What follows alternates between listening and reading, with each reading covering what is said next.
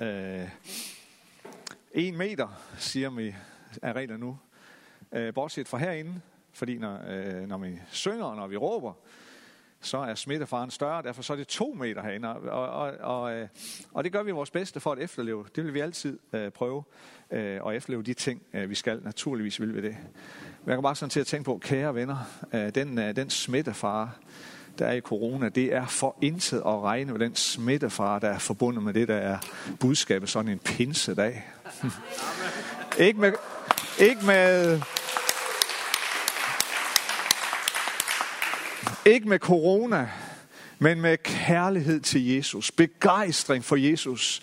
Begejstring over at tilhøre ham. Det er det, er det du bliver smittet med Øh, det er det, der er budskabet i sådan, sådan en pinsedag. Det, det, det er det, du bliver smittet med, og det forvandler dit liv for evigt. Og Jesus bliver din bedste ven. Og du vil aldrig slippe ham, og han vil aldrig slippe dig. Det er så smittefarligt, kære venner, så det er, så det er trods om hver beskrivelse. Vi kan holde al den afstand, vi vil, og Jesus han når os alligevel. Vi er... Øhm, jeg skal se, om jeg kan få den her til at, at virke med lidt hjælp fra mine venner deroppe. Der var den. Åbne op er det her tema, vi kører frem til sommerferien. Og i dag så er det jo meget naturligt. Åbne op for Helligånden. Åbne op for Helligåndens kraft. Og jeg kan dårligt stå her sådan dag, uden ligesom at synes, vi skal læse, om jeg så må sige, Pinsens evangelium fra Apostlenes Gerninger, kapitel 2. Der står der sådan her. Det var ikke nemt at se, det må jeg undskylde. Jeg læser det for jer. Da pinsedagen kom, var de alle forsamlet, og med et kom der fra himlen en lyd, som er et kraftigt vindstød. Og den fyldte hele huset, hvor de sad. Og tunger, som er ild, viste sig for dem. Fordelede sig og satte sig på hver enkelt af dem. Der blev de alle fyldt af helligånden. Og de begyndte at tale på andre tungemål, alt efter hvad ånden indgav dem at sige. I Jerusalem boede der fromme jøder fra alle folkeslag under himlen. Da nu denne lyd hørtes, stemlede folk sammen, og de blev forvirret, fordi hver enkelt hørte dem tale på sit eget modersmål. De var ude af sig selv af forundring og spurgte, hør, er de ikke alle galilæere? Er de ikke galilæere, alle de, der taler? Hvordan kan vi så være især høre det på vort eget modersmål? Vi parter, meter, elamitter.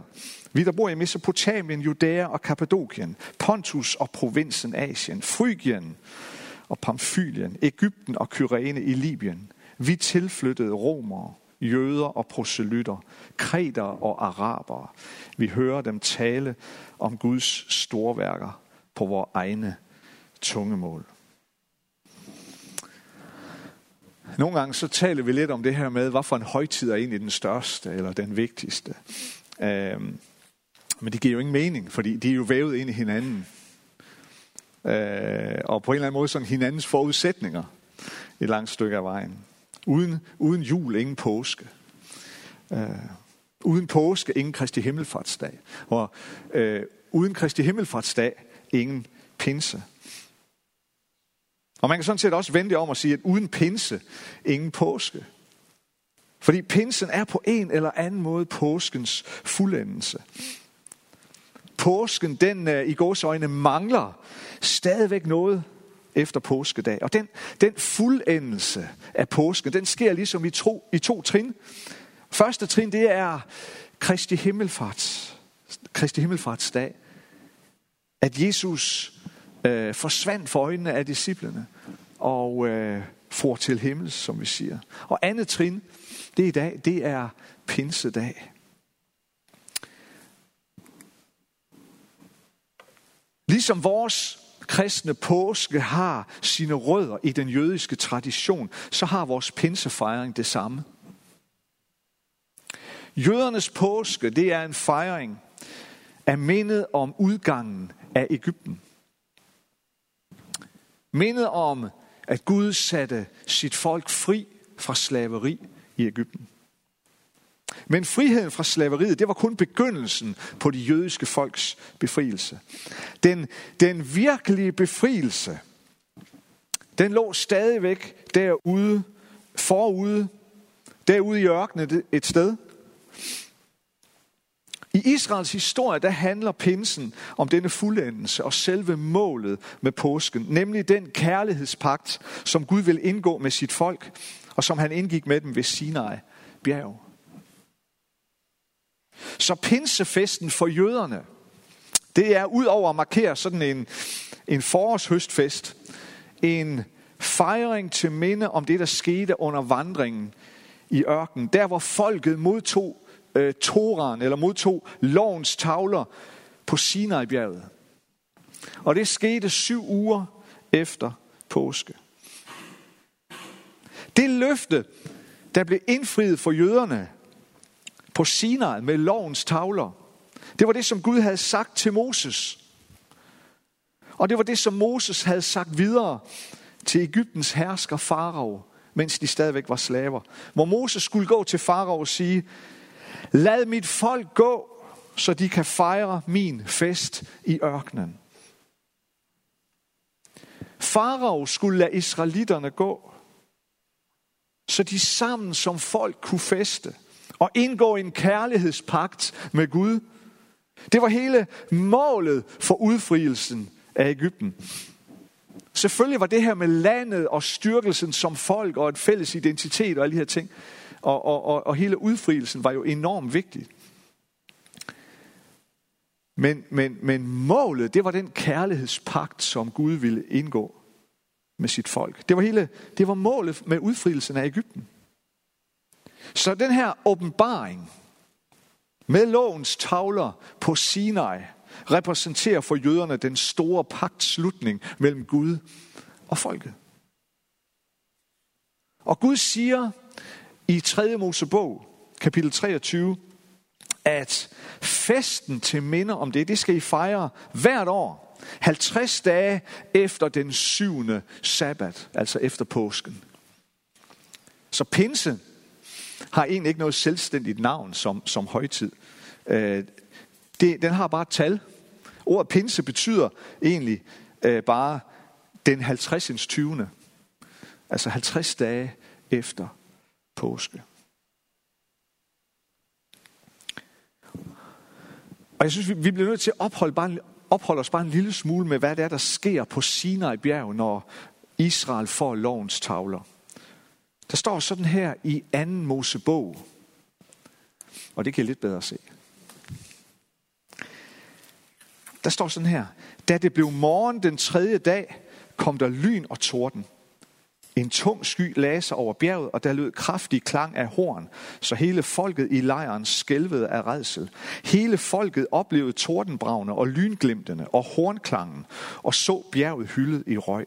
Der rystede de og blev stående på lang afstand. Lyder det ikke lidt som det, vi læste her fra, øh, fra øh, øh, Apostlenes Gerninger, kapitel 2? Lyder det ikke ret meget som, som det, som, som Lukas beskriver i Apostlenes Gerninger, det der sker på pinsedagen, 50 dage efter påske? Og med et kom der fra himlen en lyd, som er et kraftigt vindstød, og den fyldte hele huset, hvor de sad, og tunger som er ild viste sig, fordelte sig på hver enkelt af dem.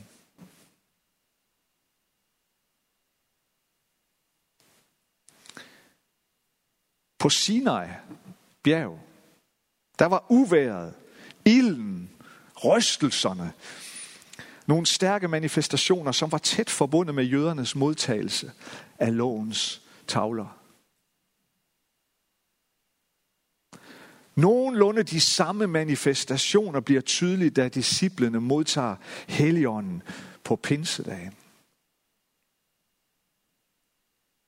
Ild er i Gamle Testamente et symbol på på flere ting, på Guds nærvær, men det er også et symbol på loven. Og ligesom ilden i det nye testamente er et symbol på Helligånden og Helligåndens nærvær.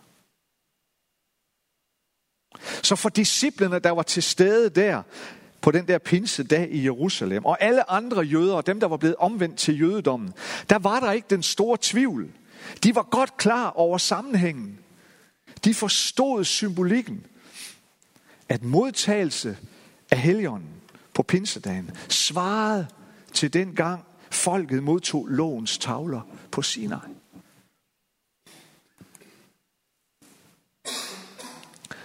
Loven på Sinai bjerg, som Moses kom med til folket fra Gud, til jøderne, det var tegnet på Guds, skal vi sige, gamle kærlighedspagt med sit folk. Og på pinsedagen, så kom tegnet på den nye kærlighedspagt, som Gud nu indgik med sit folk. Og det her, det havde profeterne jo forudsagt. Det her, det kommer, det kommer til at ske. Der kommer en dag. En ting er det, I har oplevet på Sinai, men I skal vente jer noget endnu større. Jeremias, han beskriver det på den her måde. Jeg lægger min lov i deres indre og skriver den i deres hjerte. Altså ikke længere på tavler af sten, men i deres hjerte. Jeg skriver min nye lov i jeres hjerter. Ezekiel, han udtrykker det. Han udtrykker det samme med lidt andre ord. Jeg giver dem et andet hjerte og en ny ånd i deres indre. Jeg fjerner stenhjertet fra deres krop og giver dem et hjerte af kød.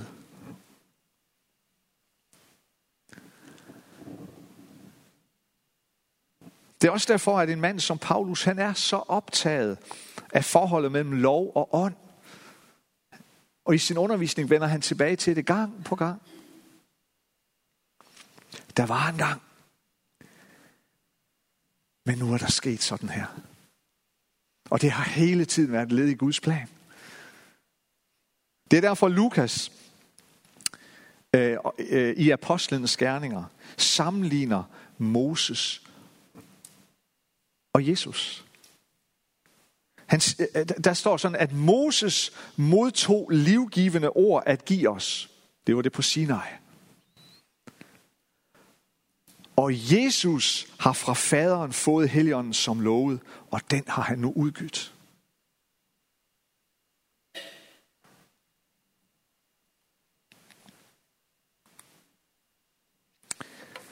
Vores tema det er åben op for heligånden. Åben op for Guds kraft. Jødernes pinse, den fejrer, at Gud forener sig med sit pagtsfolk på Sinai. Og det er det samme med kirkens pinse. Bibelen taler om det på den her måde, at Guds kærlighed er udgydt i vores hjerter ved Helligånden. Guds kærlighed er udgydt i dit hjerte ved Helligånden. Det er Gud, der forener sig med sit nye pagtsfolk.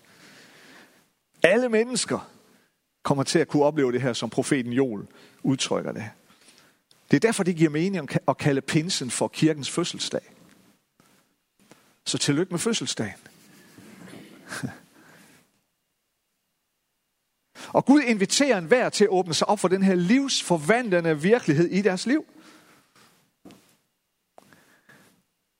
Gud inviterer, og Gud giver enhver muligheden for at blive døbt i Helligånden.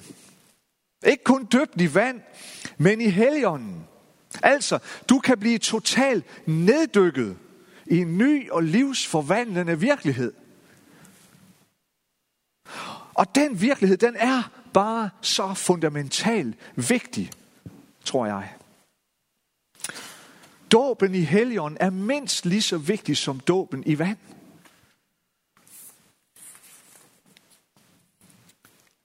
Jeg ved godt, at når jeg siger det her, så kan der være nogen, der hoster lidt. Om ikke hørbart, så indvendigt. Sagde han dåben i Helligånden? Jeg ved godt, at i visse sammenhænge, og hos mange kristne, hos alt for mange kristne vil jeg påstå, så har udtrykket dåb i Helligånden for nogen en negativ klang. Og det er virkelig ærgerligt, for det er så vigtigt for enhver kristen. Det er så vigtigt at blive neddykket i den erfaring.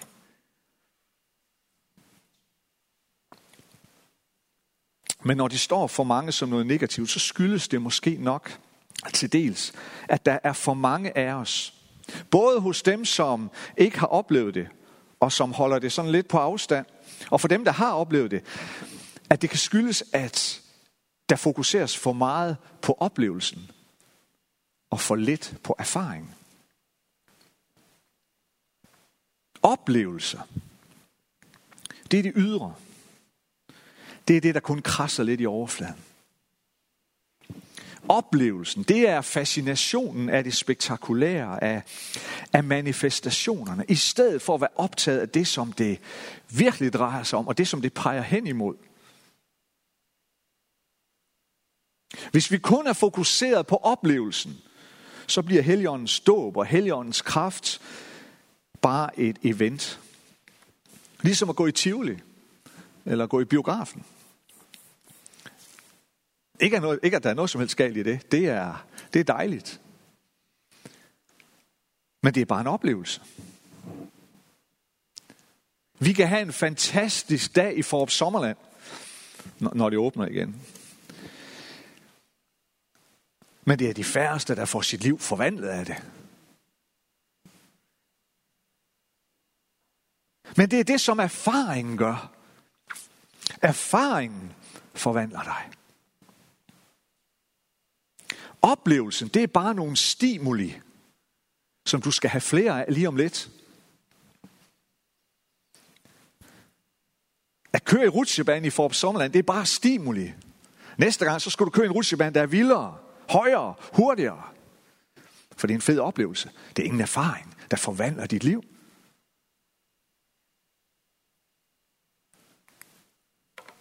Pinse og Helligåndens dåb, det er en erfaring. Den svenske præst, retræteleder, forfatter, teolog, jeg ved snart ikke alle de titler, jeg skal hæfte på Peter Haldorf. Han siger sådan her. Dåben i Helligånden er altid en erfaring, man er bevidst om. En erfaring af Helligåndens kraft efterlader en levende erindring, der aldrig viskes ud, selv hvis vi glemmer den. En erfaring af Helligåndens kraft efterlader en levende erindring, der aldrig viskes ud, selv hvis vi glemmer den. Så den dag, du har glemt, hvor meget de kilder i maven og kører i den store rutsjebane i Forop Sommerland, den dag, du har glemt det, så er det væk. For det var kun en oplevelse. Ikke en erfaring, som du kan leve videre i et forvandlet liv på.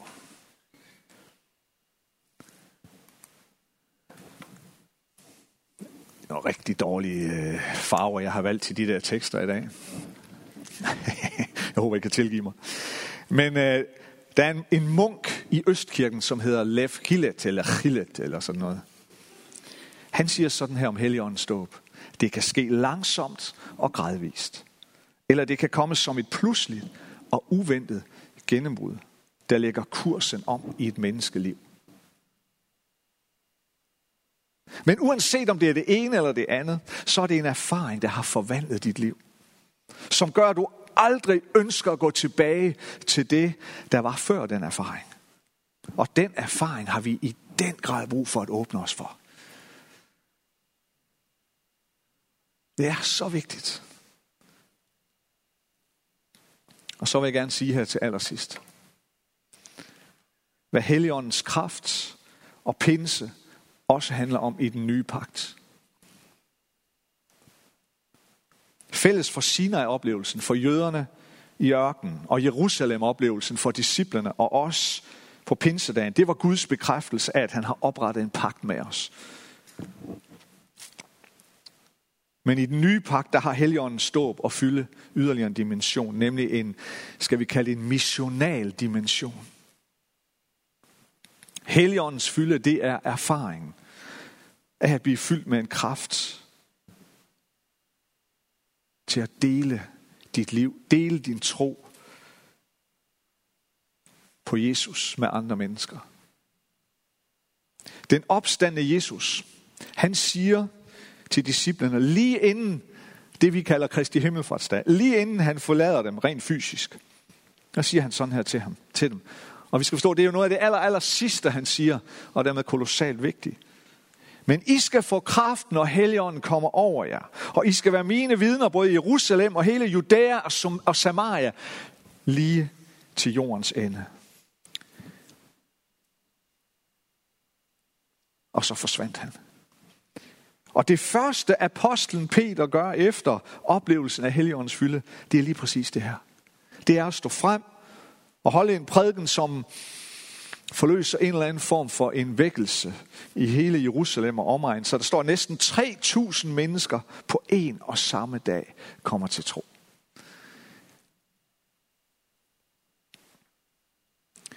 Der har været sagt og skrevet meget om at være kirke i en coronatid.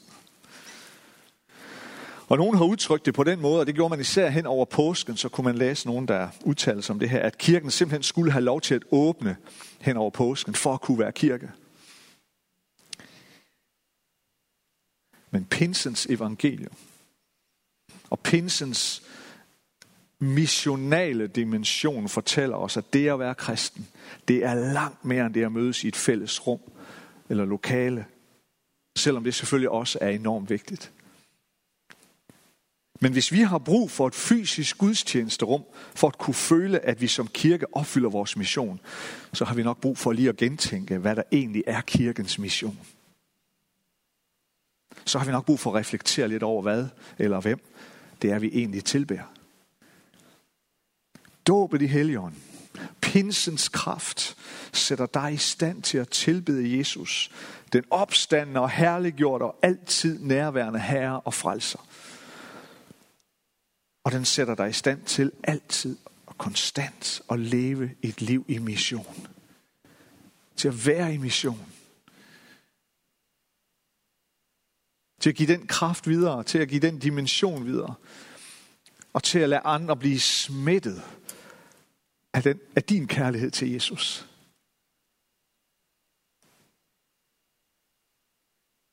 Den, som har oplevet pinsens kraft, er så smittefarlig, at det kan forplante et, et, et smittetryk langt stærkere, end nogen kan dæmme op for. Så kan statsministeren lukke landet nok så meget. Og vi har sådan brug for at opleve det, kære venner. Vi har sådan brug for det. Skal vi bede sammen? Jesus, vi elsker dig. Men vi længes efter at elske dig endnu mere. Jesus, vi tilbeder dig, men vi længes efter at tilbede dig endnu mere. Og vi længes efter, at en verden, som endnu ikke har oplevet kærligheden til dig, en verden, som endnu ikke tilbeder dig, må vende sig om, må se dig som den du er, som må erfare din grænseløse kærlighed til den her verden, far, som du har skabt, og som du har lagt i vores hænder. Helligånd, kom med kraft. Helligånd, kom og blæs din vind ud over os, ind i os. Kom med dit åndedræt ind i os. Og forny os og forvandle os. Lad vores liv og vores vandring med dig være langt mere end bare en oplevelse, men en erfaring. Lad det, du vil gøre i vores liv, være en erfaring meget mere end oplevelsesmæssig stimuli. Forvandl os i lyset af dig, i lyset af din nåde og din kærlighed og din kraft. Tak for pinse. Jesus, tak for pinse. Tak, at du ikke har efterladt os faderløse. Men du er midt i blandt os. På en så stærk og fantastisk måde, så det overgår alt, vi kan fatte og forstå. Fyld os med den kærligheds- og missionale kraft. Jeg beder i Jesu navn. Amen.